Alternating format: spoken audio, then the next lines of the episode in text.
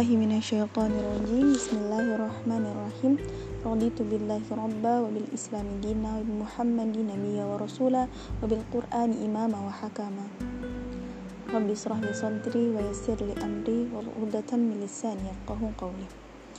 Insyaallah sore hari ini akan menyampaikan tentang Ibunda Sufyan Ats-Tsauri.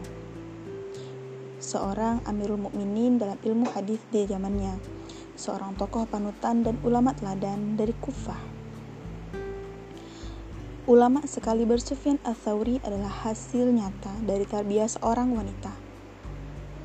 Ya, hanya seorang wanita, namun bukan sembarang wanita.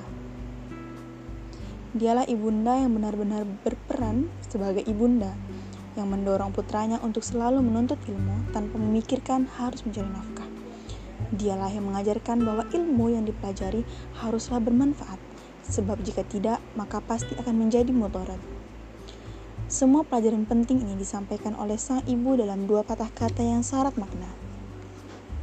Cukup singkat untuk didengar, namun amat berat untuk diamalkan.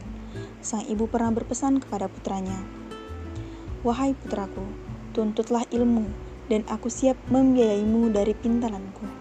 Wahai putraku, jika engkau telah mencatat 10 kalimat, maka perhatikan, apakah engkau bertambah takut, sabar, dan sopan? Jika engkau tidak demikian, maka ketahuilah bahwa semua kalimat tadi akan membahayakanmu dan tidak bermanfaat bagimu. Sang ibu rela bekerja siang dan malam memintal kapas menjadi benang, lalu menjualnya demi membiayai sang anak menuntut ilmu. Dan hebatnya lagi, ia berpesan kepadanya bahwa ilmu agama haruslah berpengaruh pada dirinya. Ia tak ingin putranya sekadar mengetahui tanpa mengamalkan, sebab hal itu justru memperberat tanggung jawabnya di hadapan Allah. Ini menunjukkan kealiman sang ibu yang demikian faham akan hakikat ilmu. Ilmu haruslah melahirkan rasa takut sebagaimana firman Allah. Yang takut kepada Allah di antara hambanya hanyalah para ulama.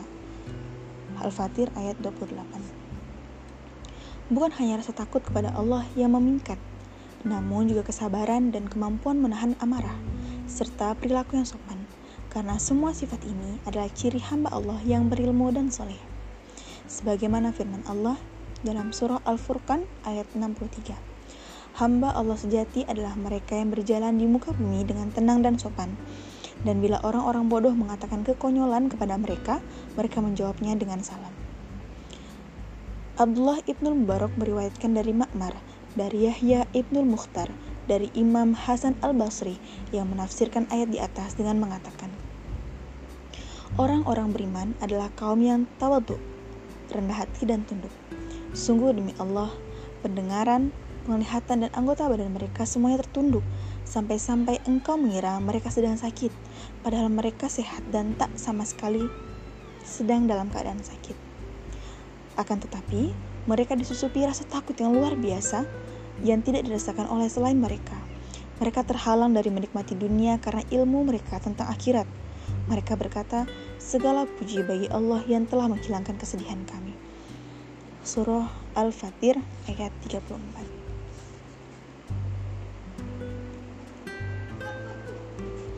Imam Hasan al-Basri lantas mengatakan, Sungguh demi Allah, mereka tidak bersedih karena orang-orang bersedih. Mereka tidak menganggap besar apa pun yang menjadi sarana menggapai surga. Mereka menangis karena takut terhadap neraka. Siapa saja yang tidak melipur kesedihannya dengan yang Allah ajarkan, akan hancurlah hatinya menyesali dunia. Dan barang siapa menganggap bahwa nikmat Allah hanyalah berupa makanan dan minuman, maka amat dangkallah ilmunya dan tersiksalah dia.